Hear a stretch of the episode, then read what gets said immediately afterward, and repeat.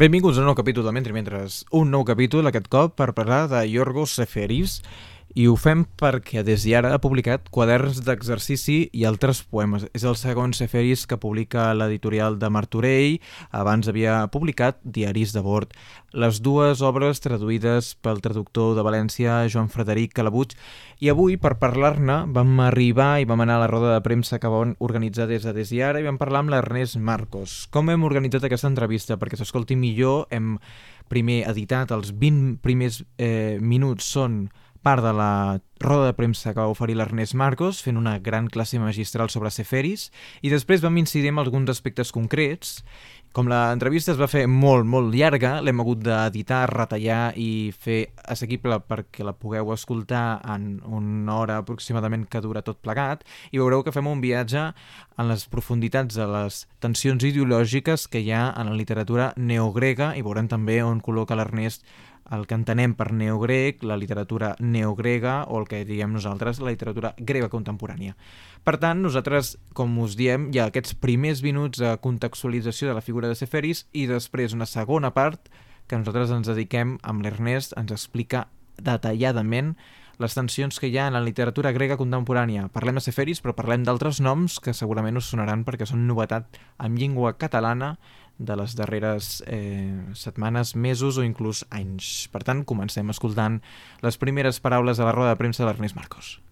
Bé, doncs, eh, amb, aquesta, amb aquest segon volum, doncs, com ha dit el, el, el Jordi, eh, es completa doncs, el coneixement de, de Yorgo Seferis en, en català, que, que és eh, realment un, un, un gran mèrit, perquè eh, certament es tracta d'un dels poetes grecs més importants del, del segle XX. El primer grec que va obtenir el, prim, el Premi Nobel de Literatura i, i només n'hi ha un altre que ho hagi obtingut, que és un company de generació, Odisseas Elitis, que ho va obtenir el 1976.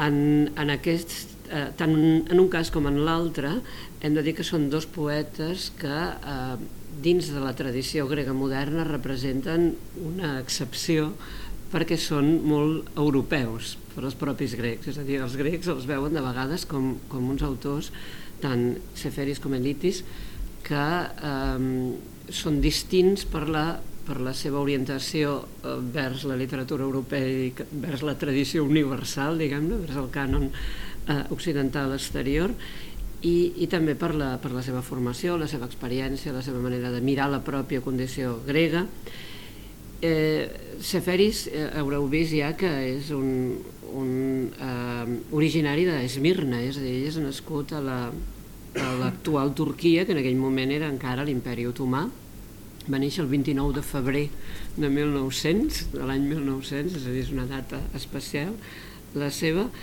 i representa, per tant, eh, el vestigi d'un món desaparegut, perquè ell eh, i la seva família eren de eh, el que es coneixia en aquell moment com l'Anatòlia la, grega, és a dir, d'aquesta societat de grecs que vivien de manera ininterrompuda en aquesta regió des de l'antiguitat fins a pràcticament la Primera Guerra Mundial i que eh, i, i representa això, una societat eh, molt cosmopolita, molt eh, culta, molt eh, volcada cap a, cap a Occident, que eh, va desaparèixer amb, a conseqüència de la Primera Guerra Mundial i de la següent guerra que hi va haver entre el regne de Grècia i l'estat turc que estava sorgint de les runes de la caiguda de l'imperi otomà, l'estat de, de turc.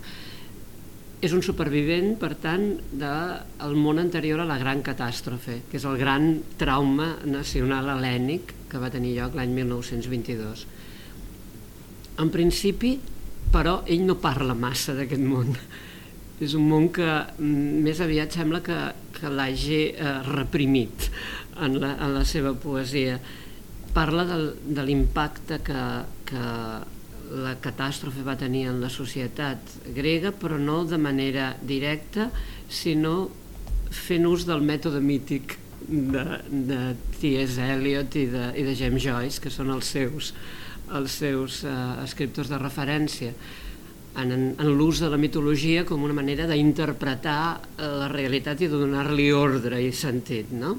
que ell és un, un practicant també d'aquest sistema.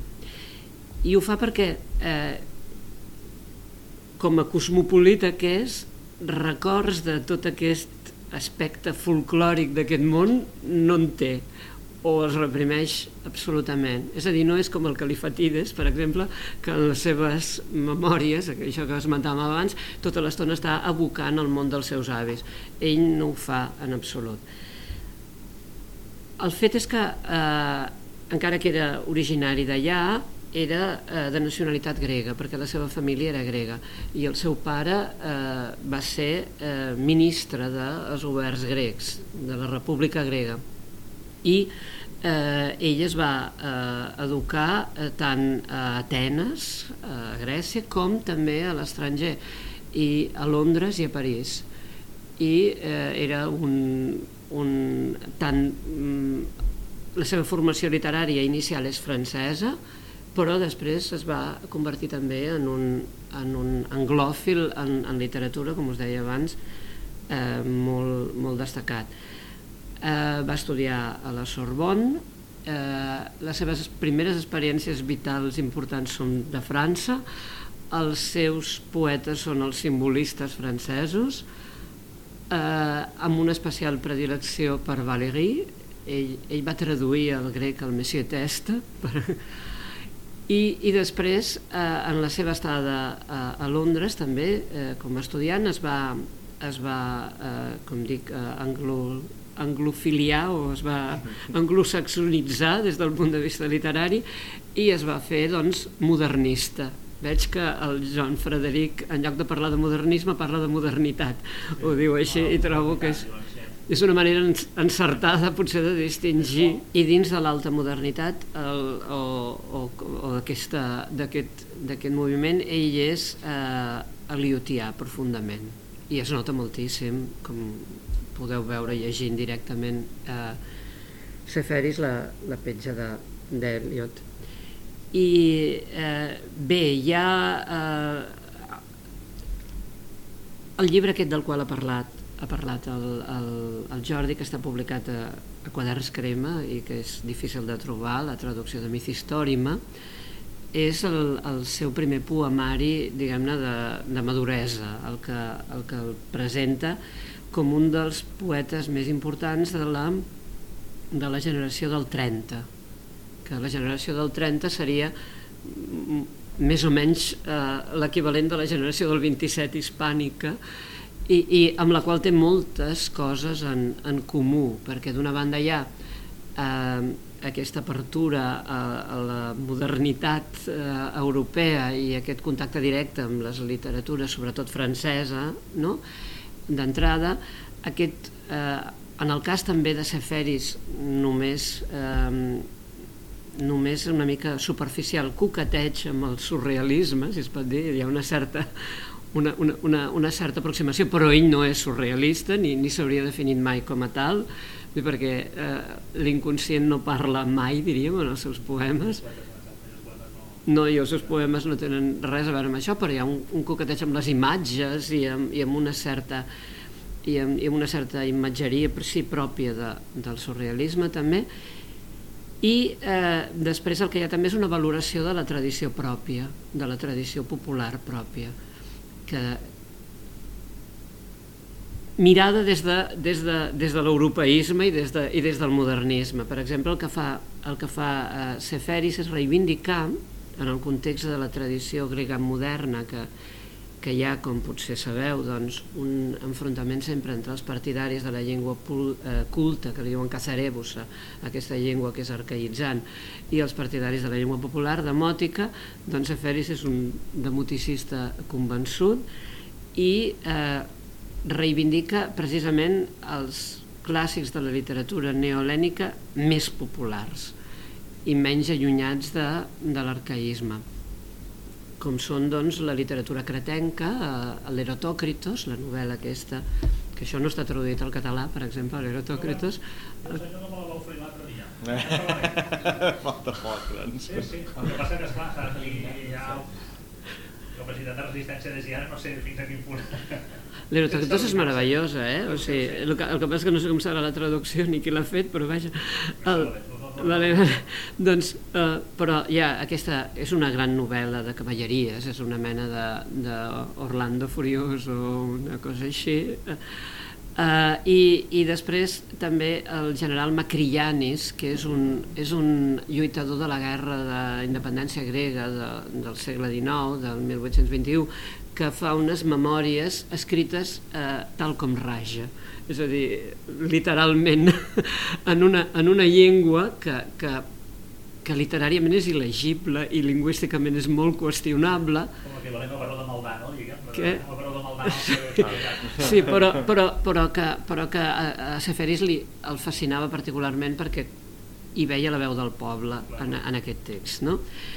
I, i ell, doncs, eh, en aquest primer llibre que us deia, a, a Mithistòrima, el que fa és aplicar a la tragèdia eh, de la situació política de Grècia en els anys 30 de, del segle XX, després de la gran catàstrofe, després dels pactes amb els quals s'arriba amb l'estat turc, que eh, comporten un intercanvi de poblacions.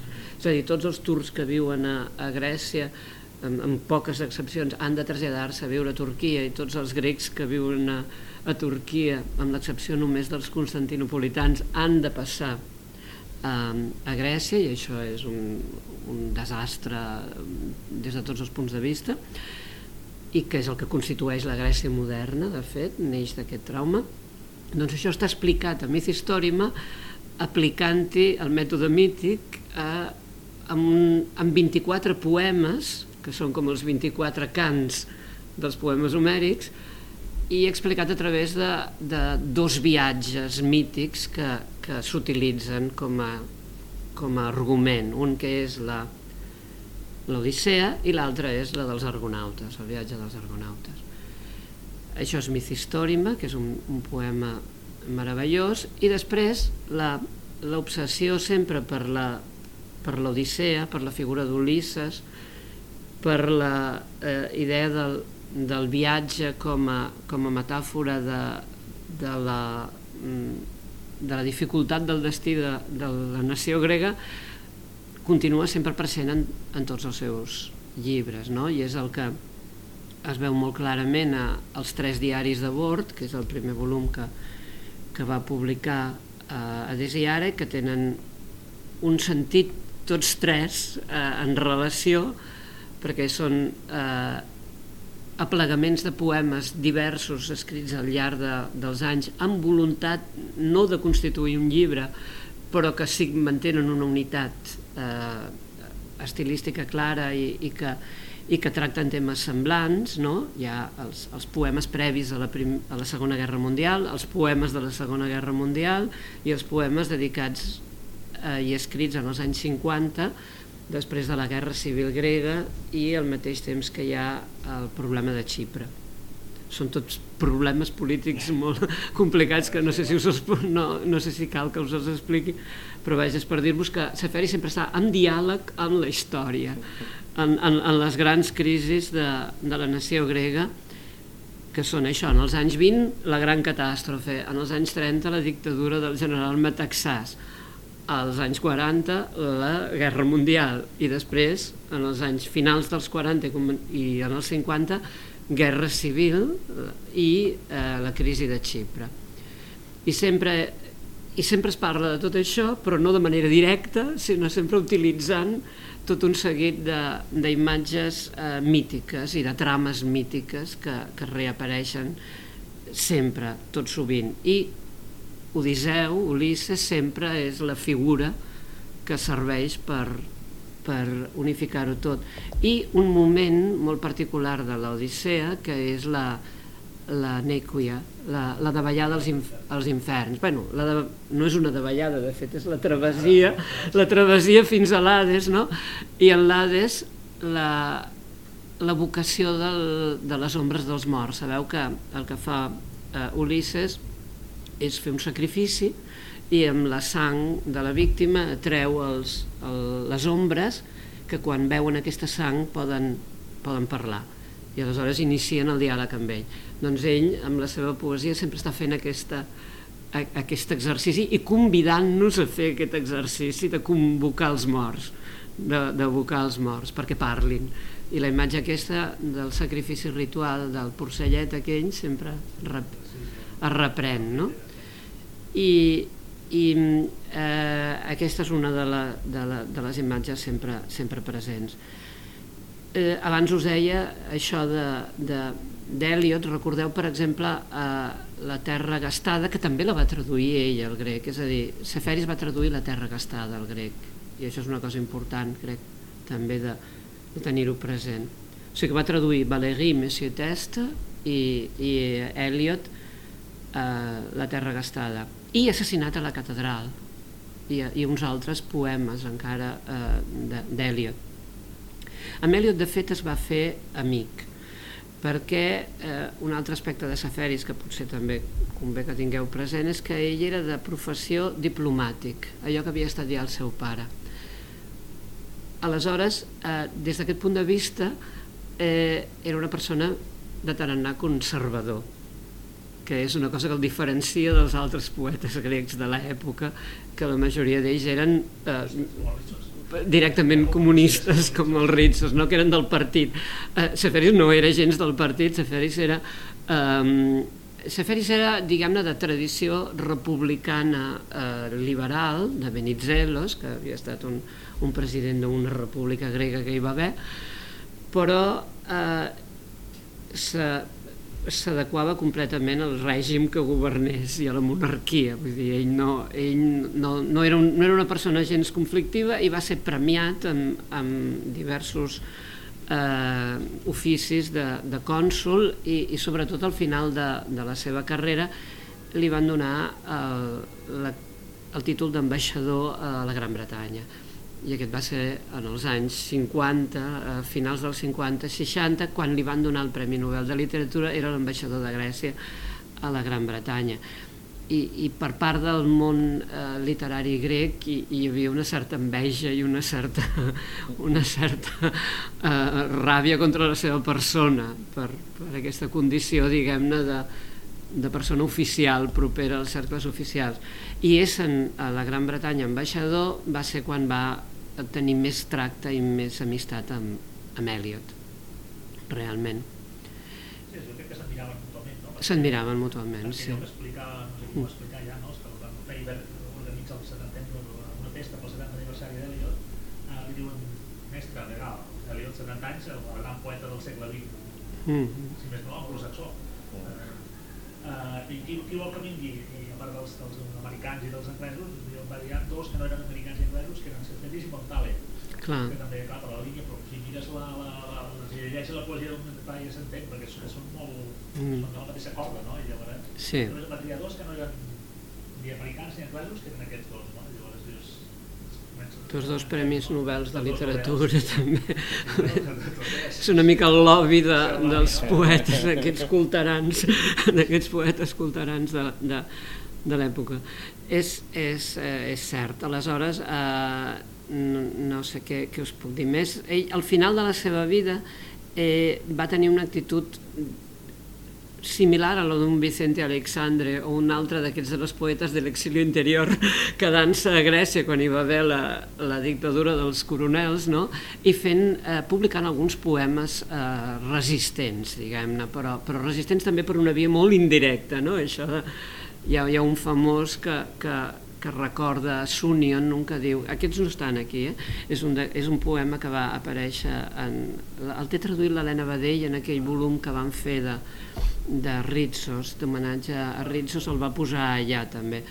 És, és un poema de, que diu que va a Sunion i que, i que veu el paisatge de Sunion, li agrada molt i, i es fixa en unes plantes que són les, les argelagues no? I, i llavors diu, i aquest nom em va recordar Plató. I se'n va i busca la nit, és un poema molt calafià també, busca la nit el, la referència i veu que és, per damunt d'aquestes plantes va ser arrossegat un tirà després que el, el, el derroquessin. I aleshores repeteix això a l'estil cabafiano i tothom que ho llegeix entén que és un poema de resistència, però diríem, ja veieu que és un poema d'una resistència molt, molt indirecta. Bueno, molt típica d'ell, vull dir, perquè ell sempre fa ell sempre fa aquesta mena de cosa. Aleshores, aquí ha, en, en, en aquest volum hi ha, hi ha, obres realment molt importants, perquè els dos primers poemes de Gimnopèdia són magnífics, Sandorini i, i Micenes, i són una mostra d'aquesta forma amb la qual ell té de, de, a partir de la, de la vocació dels, dels paisatges grecs mirats també a la manera d'Eliot, allò de la terra gastada, no hi ha aigua, només hi ha sorra, només hi ha pedra, aquest és un paisatge dur, aquest és la, la, la, el retrat aquest de la, de la Grècia aquesta, doncs eh, parla de, del present d'aquesta forma, no? I després tenim el, el quadern d'exercicis, de, aquest, el, el, el Macios Paschalis, doncs és una, una referència a Luigi Pirandello, és un altre d'aquests exercicis culterans. Ell mateix es refereix a ell en aquest poema que es diu A la manera de Yorgos Seferis, vull dir, d'IS, eh, aquesta mena de jocs literaris. Després eh, aquest altre d'Estratís Thalassinos, aquest Estratís el mariner, eh, és un exercici d'alter ego també comparable a, a tots els que en aquest moment estan fent altres autors, Pessoa, el poema aquest de Nijinsky, ja haureu vist que, que també és una, una al·lusió a aquest, a aquest eh, eh, ballarí, gre, eh, ballarí rus de, dels ballets russos, no? d'aquesta època i, i el personatge de Thalassino s'aprofita més. Bé, no sé, és un, és, uh, aquest de la setmana també m'interessen a mi peculiarment molt, els, els utilitzo molt a classe. I després hi ha tot un, des del punt de vista... Què? Sí, són molt útils. I des del punt de vista... No, no, no, però vull dir, els, jo els uso en grec, diríem. Des del punt de vista, eh, des del punt de vista lingüístic, eh, com us dic, eh, Seferis és el model crec jo, del grec modern eh, definitivament estandarditzat i triomfant. És a dir, és poèticament la llengua grega moderna més, més, més pura tant des del punt de vista poètic com des del punt de vista prosístic. La seva prosa és extraordinària. És extraordinària i, i a més hi ha una anècdota, eh, ara, ara penso amb, amb els estudiants també, eh, llegim dos textos que voldria acabar de citar eh, per a vosaltres. Un és el discurs a, a l'Acadèmia Sueca, allò que fan, aquest discurs programàtic que sempre fan els Premis Nobel, en el qual ell traça realment la genealogia seva literària i el que ell proclama que és la veritable i genuïna tradició eh, grega moderna, que ell la fa començar en, eh, en el poema de Dionís Acrites, que és un poema medieval que molts interpreten que és èpic i que jo crec que és una novel·la d'aventures, simplement, però que ell està convençut que és la veu del poble real i, i, la, i la porta fins a, fins a ell, aquesta tradició, a través de tots aquells que eh, són partidaris de la llengua del poble, tots aquells que es distancien dels esforços d'arcaïtzar la llengua grega parlada i atensar-la al grec clàssic. I ell identifica aquest l'origen d'aquest pecat en una època com aquesta, perquè diu que els primers que es van apartar de la llengua genuïnament parlada són els alexandrins. Diu, són els primers que, que van començar a cometre eh, aquest pecat horrorós que és característic dels grecs, que és trair la pròpia llengua en, en, això, en ares d'intentar eh, reproduir un, un, un estil lingüístic que, que no és el propi ni el genuí. I, I aquest és un text molt interessant i molt maco, i després n'hi ha un altre que, que no és potser tan conegut, que es va redactar primer en francès, eh, aquest altre també es va redactar en francès, és a dir, tot això eh, naturalment ell, ell ho va escriure en francès per una audiència estrangera, no? Però n'hi ha un altre que és un discurs que va pronunciar aquí a Barcelona, perquè va ser convidat eh, per venir eh, poc abans de la seva mort, ara no recordo exactament en quin any, eh, però seria en els anys, a finals dels anys 60, el Carles Miralles el va conèixer aleshores, per la, la, fèria, la, la, per la Fira del Llibre Antic. I aleshores va pronunciar un discurs en el qual parla de la invenció de la, eh, de l'escriptura i dels efectes que té sobre la poesia i la, i la literatura en general. I és molt vell també aquest text perquè diu que amb l'escriptura s'introdueix la possibilitat de reflexionar sobre la literatura perquè pots tornar enrere i tornar a llegir i, i un tipus de, de tensament a, a, al text completament distint del que l'oralitat dona. És un text molt poc conegut però és molt maco, nosaltres el traduïm a la classe. O sigui que... Ernest Marcos ens ha parlat doncs, de Seferis, ha fet una gran contextualització, hem parlat de les seves obres, hem parlat de l'estil, hem parlat de T.S. Eliot i del concepte de modernisme, modernitat, que és on d'alguna manera hi ha també la tensió que ens permet entendre aquest Premi Nobel grec i, aquests, uh, i aquesta relació que té justament amb T.S. Eliot i també l'hem relacionat amb altres autors. Ara, d'alguna manera, nosaltres ens incidim amb les tensions eh, lingüístiques de la literatura grega, i, eh, com us hem dit, per tal de que es pugui escoltar tota l'entrevista, eh, l'hem reduït i entre el fragment de roda de premsa i l'entrevista posterior eh, acabarem escoltant el que és un total d'una hora. I ara escoltarem doncs, la primera pregunta, que gairebé s'allarga ja uns, uns quants minuts, que és justament parlar de les tensions que porten a la llengua a l'estat actual, ja que nosaltres li plantejàvem una pregunta a les nostres llarguíssima que li veiem, li veiem la qüestió de la literatura grega contemporània que es publica en català, que feia sobretot referència o que s'estava publicant amb una línia sobretot ideològicament eh, de destacar personatges des d'un punt de vista eh, socialment o políticament ressaltables i per tant que acabaven publicant parlàvem l'exemple ara d'aquest taxis que ha publicat Trotalibros, etc. I doncs dèiem no, que com és que nosaltres ho estem llegint des del prisma totalment polític i en aquest cas què en pensava? I justament en responia per explicar-nos les tensions ideològiques, però per això hem de fer un viatge en el temps i us deixem doncs amb les respostes de, de en aquest cas l'Ernest Marcos.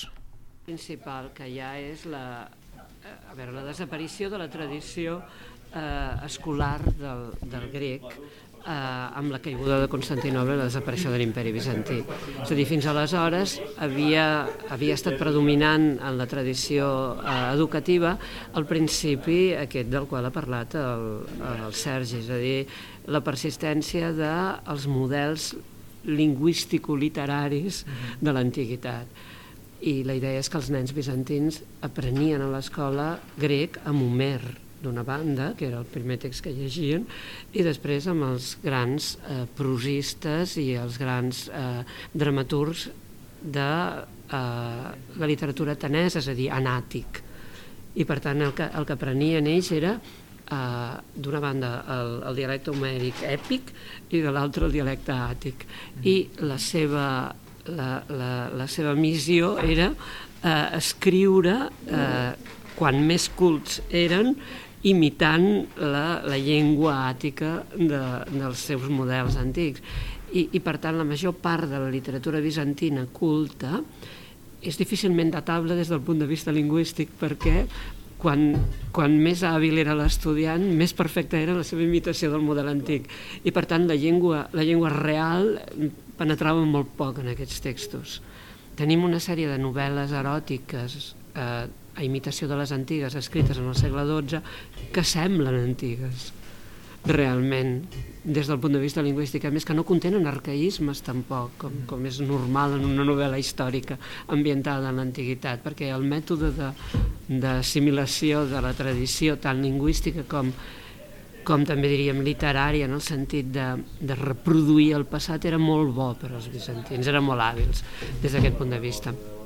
Al costat d'això, d'aquest model lingüístic tan arcaïtzant, que era el que s'aprenia realment per les elites, hi havia també el model lingüístic que també era arcaïtzant que proporcionava la literatura cristiana perquè la literatura cristiana, la Bíblia, eh, o sigui, l'Antic i el Nou Testament estan escrits en, en coiné grega, no? en, la llengua, en la llengua popular, diríem, de, de l'època hel·lenística i romana però eh, aquesta llengua, aquest model lingüístic ja era antic realment en l'època en l'època bizantina, però continuava essent el que era, el que era preceptiu per a, per a la literatura religiosa, que també era per tant arcaïtzant. És a dir, la literatura profana d'origen eh, d'origen, diríem, en, en els models i en els gèneres literaris de l'antiguitat, era arcaïtzant perquè utilitzava la llengua diríem, pagana prèvia al cristianisme i la literatura cristiana també era arcaïtzant perquè utilitzava la tradició coiné. i els derivats de la tradició coiner. I per tant, literatura en la llengua real de l'època bizantina només apareix en el segle XII. I en, amb el poema de Dionís Acrites hi ha algunes novel·les de cavalleria que s'escriuen en aquella època. I, i s'escriu justament en aquesta llengua per imitació de la, la doble literatura que a Occident hi ha. Hi ha una literatura en llatí i una literatura en romans. I aleshores els bizantins comencen a escriure obres també a imitació d'allò que hi ha a Occident amb la llengua que ells parlen de debò i amb temàtiques modernes. És el moment en el qual apareix el món contemporani uh -huh. i l'aparició del món contemporani va acompanyada de, de l'aparició de la llengua contemporània. Clar, un cop cau eh, l'imperi bizantí, la, la tradició, diríem, oficial de la, de la llengua de la llengua culta arcaïtzant desapareix perquè no hi ha una escola que la mantingui. I de fet, aleshores, el coneixement del grec clàssic passa a ser patrimoni de l'Europa occidental, de l'Europa llatina, perquè és allà on fugen els mestres, és allà on van els mestres, i, i, i es dona el cas que la gent sap potser millor grec a, a Itàlia perquè ho, ho, ho, ho, ho ha pres un humanista que, que la pròpia Grècia perquè ja no en queden d'humanistes, han desaparegut. Aleshores, l'única tradició lingüística, diríem, una mica més elevada que persisteix és l'eclesiàstic. Aquesta sí, perquè l'Església Ortodoxa continua sent, diríem, el, el, el que, el que fonamenta la identitat grega. Vull dir, els grecs són ortodoxos perquè és l'únic que els queda, diríem, en el, després de la, de la caiguda i la desaparició de l'Estat. Aleshores, clar, quan, quan arriba el moment de fundar l'Estat grec en el segle eh, primer en els primers antecedents de, de la il·lustració grega i després ja de manera oficial a partir de la creació de l'estat grec el 1831 hi ha el debat sobre quina serà la llengua de cultura d'aquest estat i aleshores plantegen dues, dues possibilitats. En principi hi ha la, la que és ultrademotitzant, que diu el que hem de fer és eh, la llengua que parlem nosaltres, l'hem de convertir en la llengua de la, de la gent, en la llengua de l'escola, la llengua de l'Estat, la llengua de la universitat, que és molt minoritària i és de seguida mm, silenciada, i la, i la, i l'aposta per la cazarebusa, per la llengua purificada, que en diuen, partint d'un principi que, que deia un lingüista de l'època, que era Adamandios Coraís, que era un il·lustrat, que vivia a París, de fet, i era d'Esmirna també, però havia anat a parar a Europa i s'ho mirava tot des de l'estranger. Adéu, adéu. I aquest, aquest deia que hem d'atensar la filla a la bellesa de la mare. Hem d'agafar el grec que parlem ara i arcaïtzar.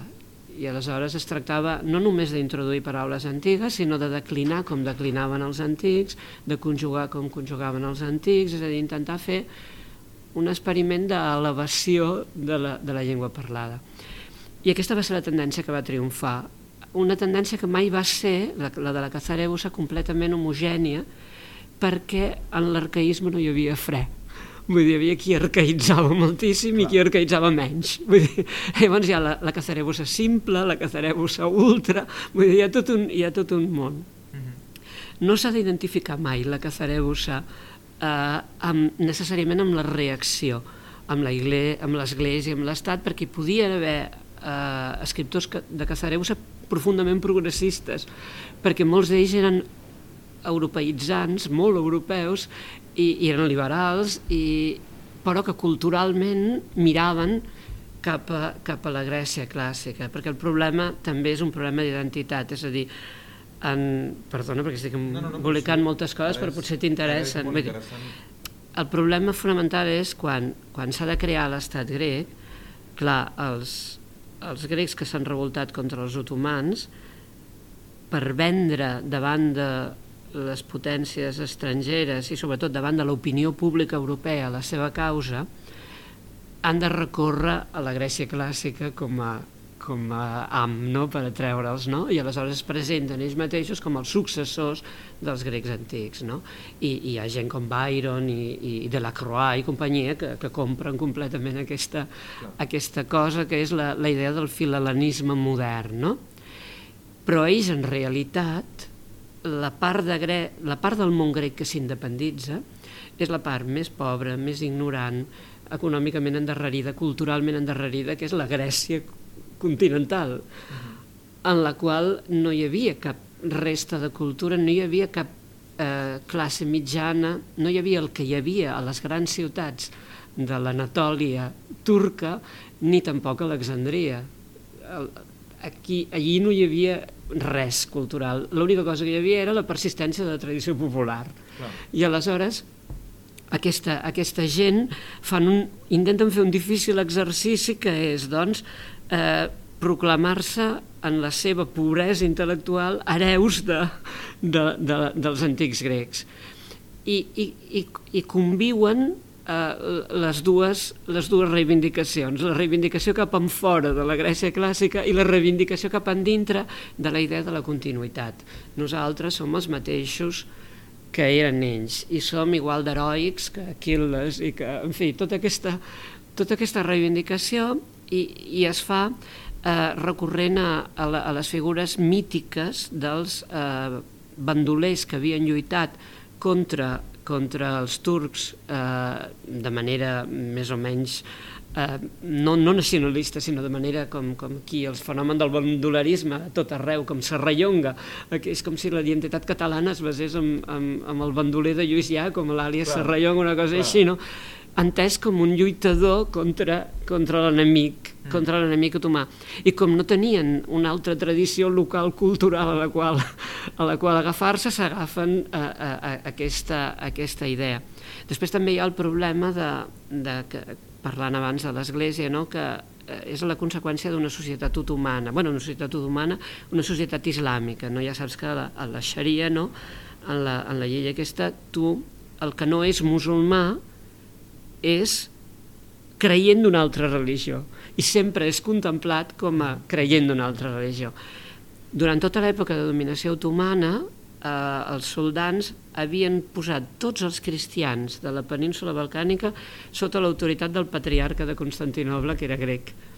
I per tant, tots eren eh, súbdits del patriarca, representats per al patriarca davant de l'estat otomà. Mm -hmm. I això és el que explica la cohesió de les societats ortodoxes dels Balcans. El fet, per exemple, que els grecs anessin amb els serbis durant la guerra de Iugoslàvia o les simpaties que els grecs tenen amb els russos, veure, tots aquests fenòmens que a vegades ens resulten una mica estranys venen d'aquesta d'aquesta soca, diríem, ortodoxa que, que tots tenen.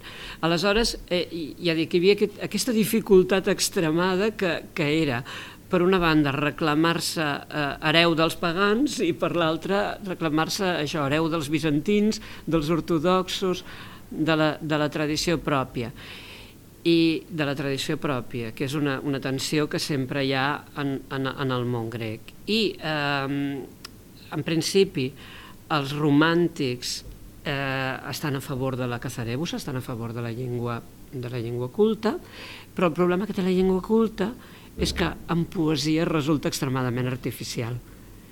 I, i aleshores, en, la, en, els primers de, en les primeres dècades de l'estat grec, entre els anys 30 i els anys 80, en aquests primers 50 anys de l'estat, la tradició prosística cazaribusiana és molt sòlida uh -huh. mm? I, i, i es desenvolupa molt, però la, la tradició poètica cazaribusiana no arriba mai a existir i en canvi la, la, la tradició en llengua, en llengua eh, popular, poètica, es va cada vegada eh, estenent i, i, i adquirint més fonament.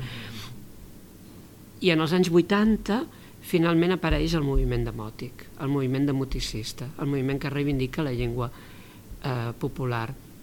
I ve precisament de, de la mà d'un filòleg eh, grec que eh, viu a París, que es diu Psicharis.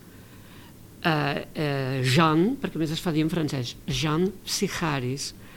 Aquest, bueno, normalment ho escrivim P-S-I-K-H a-R-I-S, o sigui, Psiharis, t'ho dic. Aquest home és molt particular perquè és el gendre de Renan, d'Ernest Renan, o sigui, justament, o sigui, està sòlidament instal·lat en la societat francesa, és professor, eh, em sembla que és al Collège de France, de, de llengua antiga, i aquest home, eh, aquest home reivindica la llengua demòtica i acusa els grecs de l'establishment helènic, de l'estat i de l'educació, de ser hereus dels alexandrins. És el primer que diu, el pecat comença amb els alexandrins, que són els primers que practiquen una llengua que no és la llengua parlada i que s'acullen a, a, a una tradició arcaïtzant que és, és, és impura. Ell diu, Teòcrit, ell fa una mena de, de... escriu un llibre que es diu El meu viatge. Uh -huh. I en aquest El meu viatge, ell des de París se'n va cap a, a la ciutat de la qual ell és originari, que és Odessa. Ell és, és, ah, sí? sí, perquè clar, és que és que clar, el món, clar. el món d'ara no té res a veure amb el no, món clar, clar. anterior a la Primera Guerra Mundial. Clar, tu dius Odessa i jo penso en Pushkin. Clar, però és que clar, a Odessa hi havia una colònia grega importantíssima, a part de la colònia jueva. Vull dir, és que eren aquestes ciutats, doncs com, com l'Alexandria de Cavafis no existeix, l'Esmirna de Seferis no existeix. Clar, és tot aquest... Eh, són la, la geografia del, de la Mediterrània oriental, la geografia humana, és completament distinta ara de com era abans de 1914. Això és veritat. La mirada d'Ulisses, la pel·lícula de l'Angelòpolis, sí. és exactament igual. És, la, és el, el, mateix, eh, el mateix trauma originari, no? la desaparició d'aquest món. I bé, aquest se'n va a Odessa, d'Odessa se'n va a Constantinoble, de Constantinoble a Atenes, i en, aquesta, en aquest periple constata que eh, Atenes, que és la capital de l'Estat, uh -huh. eh, té una visió lingüística completament errònia que el model que hi hauria d'haver és més aviat el model eh, constantinopolità, on, on no hi ha al darrere un estat que eh, intenta imposar un model lingüístic arcaïtzant, sinó que la llengua, la llengua que la gent parla és la llengua en la qual la gent escriu, diríem, que és la, la, la idea mítica. I a partir d'aquest moment hi ha la, la generació de 1880, que són els que escriuen en demòtic, escriuen, escriuen tal com parlen, és la, la, la seva idea. Clar, quan tu dius això, mai és veritat del tot, perquè de la mateixa manera que prens moltes decisions, perquè la gent també parlava en arcaïtzant, òbviament, però en aquest moment comença eh, contra, contra la cazarebusa ja hi ha un altre model que és la, el model de la llengua demòtica, mm. i en mm. aquest moment comença allò que se'n diu la diglòsia grega. La diglòsia grega, que és un problema que s'acaba el 1976 amb, amb la nova Constitució republicana de Grècia, que diu que la llengua dels grecs és la llengua que parlen els grecs, que és una manera de, de, d'obviar la situació i, i, i de donar peu a la coexistència de, de les restes de la catarebusa amb, amb la base que ara és la llengua demòtica, perquè finalment el que aconsegueix estandarditzar-se al llarg d'aquest segle, entre 1880 i 1976, és la llengua demòtica. En aquesta, aquesta lluita entre cazarebusians i demòtics eh, ha acabat, eh, ha acabat amb la, condemnant eh, a molts autors de la Cazarebusa a l'oblit perquè l'han guanyada els demoticistes i són a més els que han escrit la història de la literatura. Són els que han imposat el relat vencedor com, com Saferis. I, I per tant, alguns autors cazarebusians que són dignes d'interès i, i, i fantàstics, ara, eh, des i ara en traduirà un altre, l'Emmanuel Roidis, la papesa Joana, l'està traduint l'Helena Badell ara, també la que va traduir en Viricos. A tu, no sé si ho has llegit, l'Enviricos és eh, els relats aquells profundament... Alguns ho dit a, ens ho dit a Twitter. Ens ho dit. comentaris, crec, perquè crec que no el vaig incloure en el, en el ah, fil. Exacte. Jo no el vaig incloure i algú va dir, ei, et deixes això. La mitologia personal, mitolo escrits o mitologia personal. Aquest t'interessaria molt, perquè, mm. perquè Enviricos és un autor eh, de la generació dels 30, Andreas Enviricos, que té el singular privilegi de ser el primer surrealista grec i el primer psicoanalista grec, amb dues coses. I era l'amic amant o alguna cosa així de la Marguerite Ursenar. És el que el va introduir, diríem, en Cavafis i en totes aquestes, i en la literatura neogrega.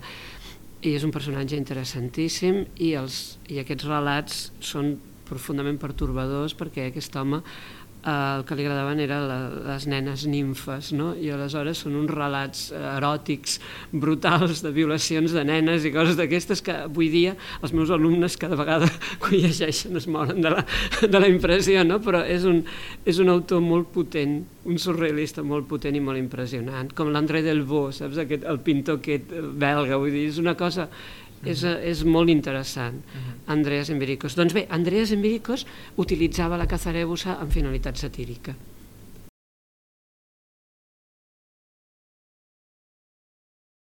Vull dir que no hem de... No hem de no, jo el que em nego a fer sempre, i amb els alumnes ho faig estrictament, és a, a, a donar a, eh, suport a la manera amb la qual els partidaris de la llengua demòtica han presentat el, el problema com si hagués estat una lluita de les llums modernes contra les tenebres fosques de l'arcaïsme i que, i que dins d'aquestes tenebres hi anés eh, l'Estat, l'exèrcit, la monarquia, l'Església... Tot... És veritat que la llengua cazarebusa és la llengua d'expressió fins al 1976 de l'Estat, és la llengua de la monarquia. O sigui, si tu poses a YouTube un reportatge d'aquests que s'han mostrat ara amb la mort del rei Constantí, doncs Clar. contemporani sentiràs una llengua que, que, que, no, que no és la llengua que avui dia senten, i els, i els grecs ho senten com una cosa estranya. I és cert que encara avui dia el patriarca de Constantinoble escriu amb una llengua molt arcaïtzant, que no és exactament cazarebusa, sinó que és una coine derivada, que li diuen la llengua de la gran església, les mm-hmm. seves homilies, mm-hmm. i no les tradueix, perquè no es tradueix res, és a dir, allò és grec. I és... Però, eh, però també és cert que, això que dèiem, estilistes de la cazarebusa han estat entre els escriptors més progressistes i, i, i més eh, defensors de l'europeisme de, de la tradició de la tradició neogrega perquè la llengua popular ha estat tot sovint també del costat de la reacció d'una reacció sobretot de l'ultranacionalisme. L'ultranacionalisme ha, ha tret profit de la llengua popular tret profit de la llengua popular, per exemple, utilitzant els que es diuen el, els cants populars, la lírica popular, com una lírica de resistència. I això fa, per exemple, Ritsos. Ritsos, eh, Ritsos diu, d'alguna manera estableix el paral·lelisme entre els guerrillers comunistes contra els monàrquics de la Guerra Civil, els guerrillers anteriors contra els ocupants nazis, o dels guerrillers de la revolució eh, de 1821 contra els turcs i més endavant els lluitadors bizantins contra els ocupants eh, turcs.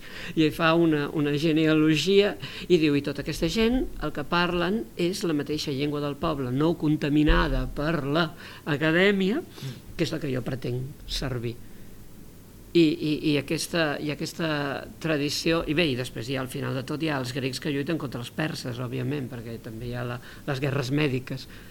Mentre que Xantzakis és un autor que a la pròpia Grècia actualment és, un, és molt debatut, perquè lingüísticament és un model de llengua popular amb molts eh, idiomatismes propis de l'illa de Creta sí.